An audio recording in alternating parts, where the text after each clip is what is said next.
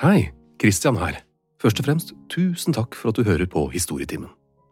Det å lage disse episodene tar veldig mye tid, og hittil så har jeg jo bare kunnet gjøre dette her på fritiden og i helger og på kvelder.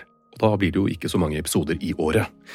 Men hvis jeg kunne gjort det på dagtid, da kunne det plutselig blitt en god del flere. Men det er jo avhengig av støtte, så derfor lurer jeg på følgende. Kunne du vært interessert i å betale en liten sum for å høre på Historietimen? La oss si 29 kroner i måneden, eller 49 kroner i måneden, eller ja.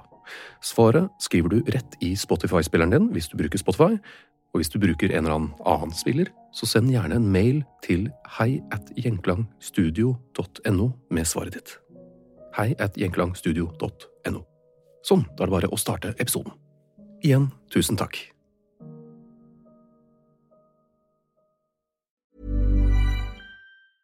I'm Sandra, and I'm just the professional your small business was looking for. But you didn't hire me because you didn't use LinkedIn jobs. LinkedIn has professionals you can't find anywhere else, including those who aren't actively looking for a new job but might be open to the perfect role, like me.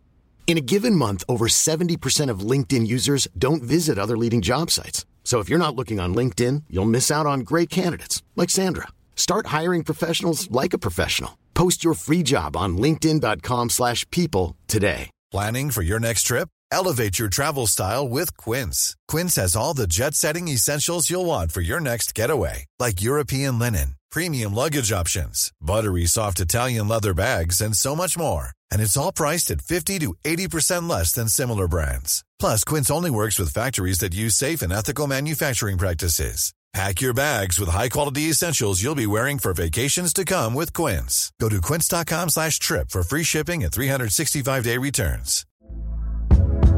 Hey there, it's Michelle Norris. I'm host of a podcast called Your Mama's Kitchen. When I travel, I'm usually looking for a way to find a taste of home when I'm not at home. And one of the things I love to do when I am at home is entertain. And Airbnb allows me to do that. When I was in California recently, I rented a house that had a great kitchen. And when we were sitting around the table, we're all thinking, we're in someone else's house. Someone could be in all of our homes as well. If you have a home, but you're not always at home, you have an Airbnb. Your home might be worth more than you think. Find out how much at airbnb.com/slash host.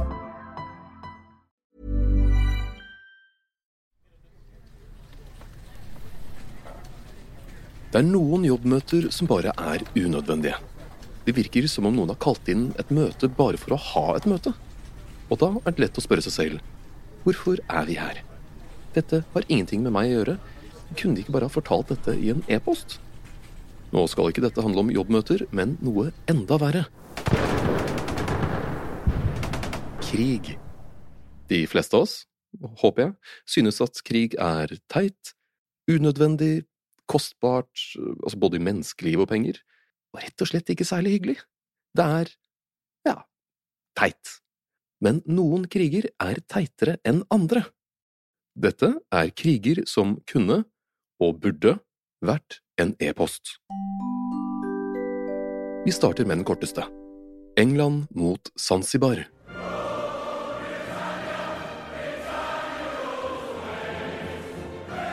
Det er ikke mange land England på en eller annen måte ikke har invadert.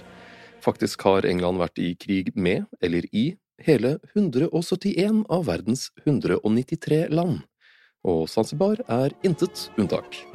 I 1896 var Zanzibar under såkalt britisk beskyttelse. Det vil si at britene hadde plassert en lokal leder der som var pro-britisk, så deres interesser ble ettfulgt uten at de måtte drive hele landet selv. Smarte imperialistiske greier, altså.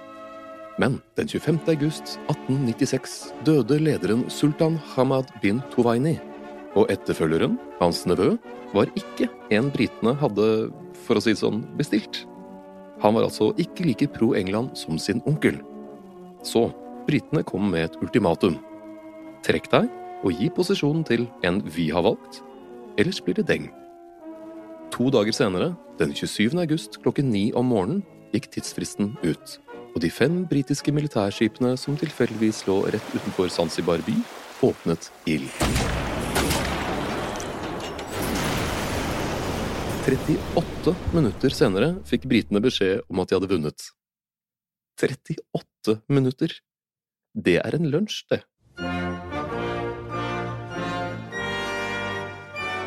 USA mot USA. Det å angripe andre det er ikke særlig hyggelig. Det lærer vi i barnehagen. Men det er ikke bedre å angripe seg selv, og det har USA vist seg til å være flinke til. En natt i 1943 lettet fem amerikanske bombefly fra flyplassen Dale Hart i Oklahoma for å øve seg på å ja, bombe ting. Og de hadde til og med en egen plass å øve på. En bombe ting sønder og sammen-plass. Navigatøren hadde derimot andre planer, og sendte flyene over 50 km feil vei. Midt på natten. Til Boys City, Oklahoma. Det beskjedent opplyste bysenteret så forvekslingsvis ut som bombemålet, og pilotene gjorde som de var blitt fortalt.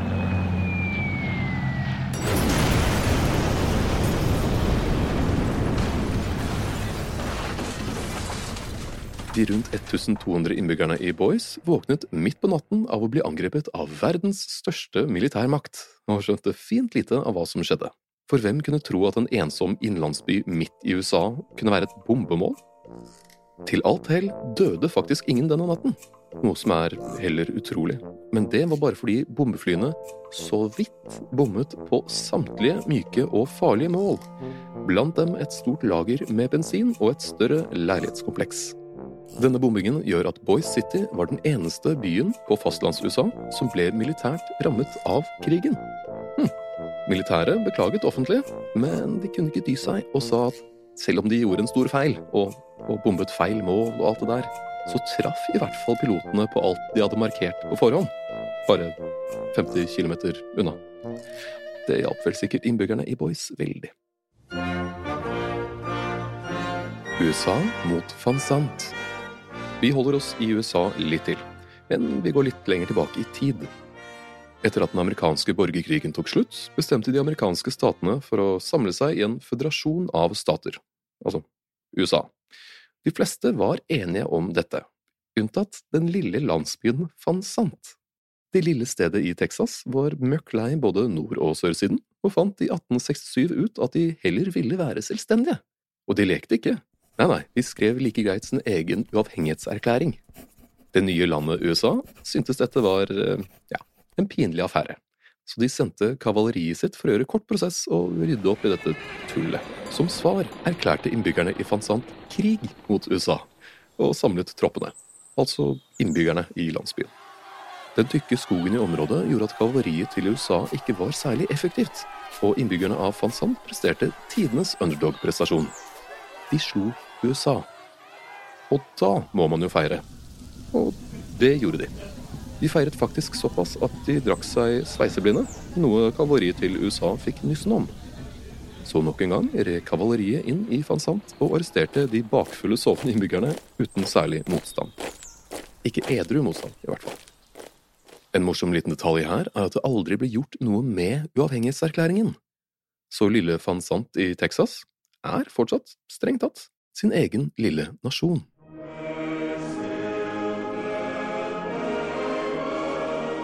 Nederland mot The Isles of Silly.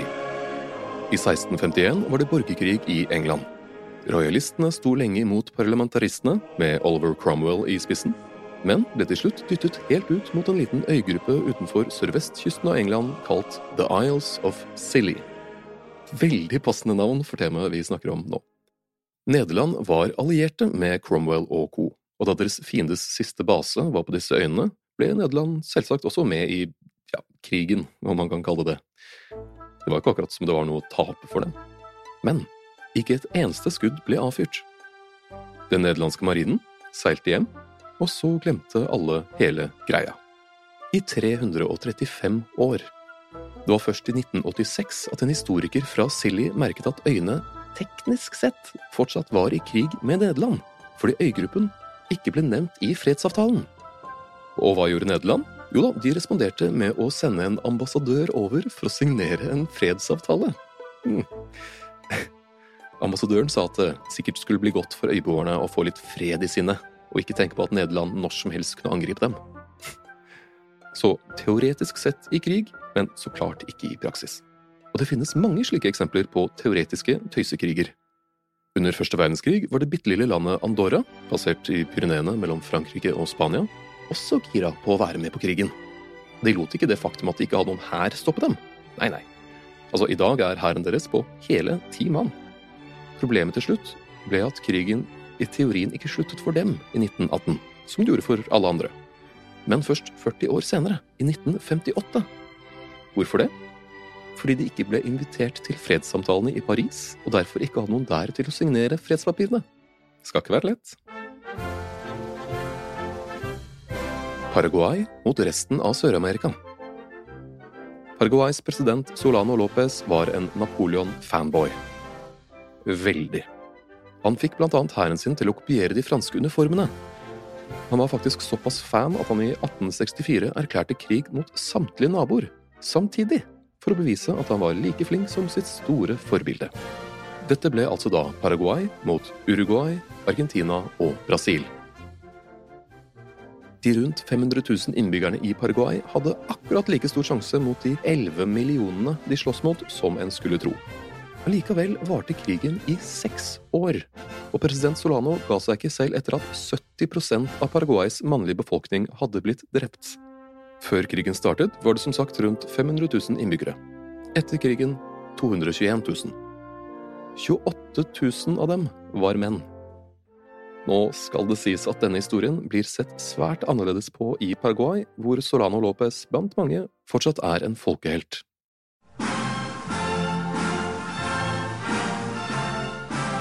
Moldova mot Transnistria. De færreste her på berget har nok hørt om Transnistria. Det høres ut som et skummelt sted i en eller annen bok hvor det er masse vampyrer. Det er ikke altfor langt unna sannheten. Altså, jo, det er et godt stykke. Men Transnistria ligger ikke altfor langt unna Transylvania, som vi kjenner fra Bram Stokers Dracula. Transnistria er en smal landstripe mellom Moldova og Ukraina. Etter at Sovjetunionen ble oppløst, ble Moldova til ja, Moldova og Ukraina til Ukraina. Men de som bodde på grensen mellom disse landene, altså i det som nå kalles Transnistria, greide ikke å bli helt enige. Over 60% av innbyggerne hadde en sterkere tilknytning til Russland og Ukraina, og ønsket derfor ikke å bli innlemmet i landet Moldova, som hadde sterkere tilknytning til Romania. Og slikt blir jo uggen stemninga. Så flertallet grunnla sin egen lille stat, Transnistria. Dette førte fort til konflikter og slåssing mellom grupperingene, og i 1992 brøt ut full krig. Hittil i fortellingen har dette vært en ganske normal konflikt, om det er lov å si. Men nå kommer vi til det uvanlige. Selv om krig er tragisk og mange døde, så var dette en sosial krig. Soldater fra hver side møttes på kvelden midt i krigssonen for en drink og litt kortspill. Mange ble såpass gode venner at de ble enige om å ikke skyte hverandre hvis de møttes på slagmarken dagen etter. Så de sloss på dagen og festet på kvelden, og drakk til ære for de som hadde dødd. På grunn av det ble krigen også kalt Fyllakrigen. I juli 1992 ble det signert en våpenhvile som fortsatt er gjeldende den dag i dag. Selv om landet ikke er internasjonalt anerkjent, så har de sitt eget flagg. Et flagg som for øvrig er det eneste som fortsatt har den sovjetiske hammer og sigden i seg. Jeg tenker vi avslutter med en ja, nesten koselig en, hvis det er mulig. Rett før midnatt 1. mars 2007 invaderte 170 sveitsiske soldater det lille fyrstedømmet Liechtenstein. Den setningen var rar å si. Sveits er jo verdens mest nøytrale land. Og hvem i alle dager har lyst på det bitte lille fjellfyrstedømmet Liechtenstein? Ikke Sveits, viser det seg, for invasjonen var ikke gjort med vilje. For ikke bare var det mørkt, men det var også dårlig vær og sikt, så de sveitsiske soldatene som var på øvelse, trodde de fortsatt var i Sveits. Da de så litt nærmere på kartet, ble de rimelig stressa. De hadde jo effektivt erklært krig mot et annet land. Et annet land uten en hær, men fortsatt ugreit, så de snek seg ut igjen. Dagen etter ringte de til Liechtenstein og beklaget. Og Liechtenstein Og Liechtenstein svarte ikke noe problem, slike ting skjer. Og vi merket ikke noe til det uansett. Wow. Og det med 'slike ting skjer', det er også flaut korrekt. For dette var ikke første gangen Sveits feilaktig invaderte det lille landet. Nei, nei. I 1968 skulle hæren øve seg på hvordan håndtere brann, så de kastet granater inn i et skisenter. som de først etterpå oppdaget at ikke var i deres eget land. Heldigvis var det tomt. De har også okkupert hus i Liechtenstein og startet skogbranner mens de har øvd på å bruke flammekastere. Ja da. Tre ting føler jeg vi kan ta ut av dette. Og det er at Liechtenstein virker til å være ganske chille, og at militæret i Sveits for all del ikke burde ha flere øvelser. Og sist, men ikke minst, flere e-poster, færre kriger. Hi, I'm Daniel, founder of Pretty Litter. Cats and cat owners deserve better than any old fashioned litter. That's why I teamed up with scientists and veterinarians to create Pretty Litter. Its innovative crystal formula has superior odor control and weighs up to 80% less than clay litter. Pretty Litter even monitors health by changing colors to help detect early signs of potential illness. It's the world's smartest kitty litter. Go to prettylitter.com and use code ACAST for 20% off your first order and a free cat toy. Terms and conditions apply. See site for details. Even when we're on a budget, we still deserve nice things. Quince is a place to scoop up stunning high end goods for 50 to 80% less than similar brands. They have buttery soft cashmere sweaters starting at $50, luxurious Italian leather bags, and so much more. Plus, Quince only works with factories that use safe, ethical, and responsible manufacturing. Get the high-end goods you'll love without the high price tag with Quince. Go to quince.com slash style for free shipping and 365-day returns. Planning for your next trip? Elevate your travel style with Quince. Quince has all the jet-setting essentials you'll want for your next getaway, like European linen, premium luggage options, buttery soft Italian leather bags, and so much more. And is all priced at 50 to 80% less than similar brands. Plus, Quince only works with factories that use safe and ethical manufacturing practices. Pack your bags with high-quality essentials you'll be wearing for vacations to come with Quince. Go to quince.com slash pack for free shipping and 365-day returns.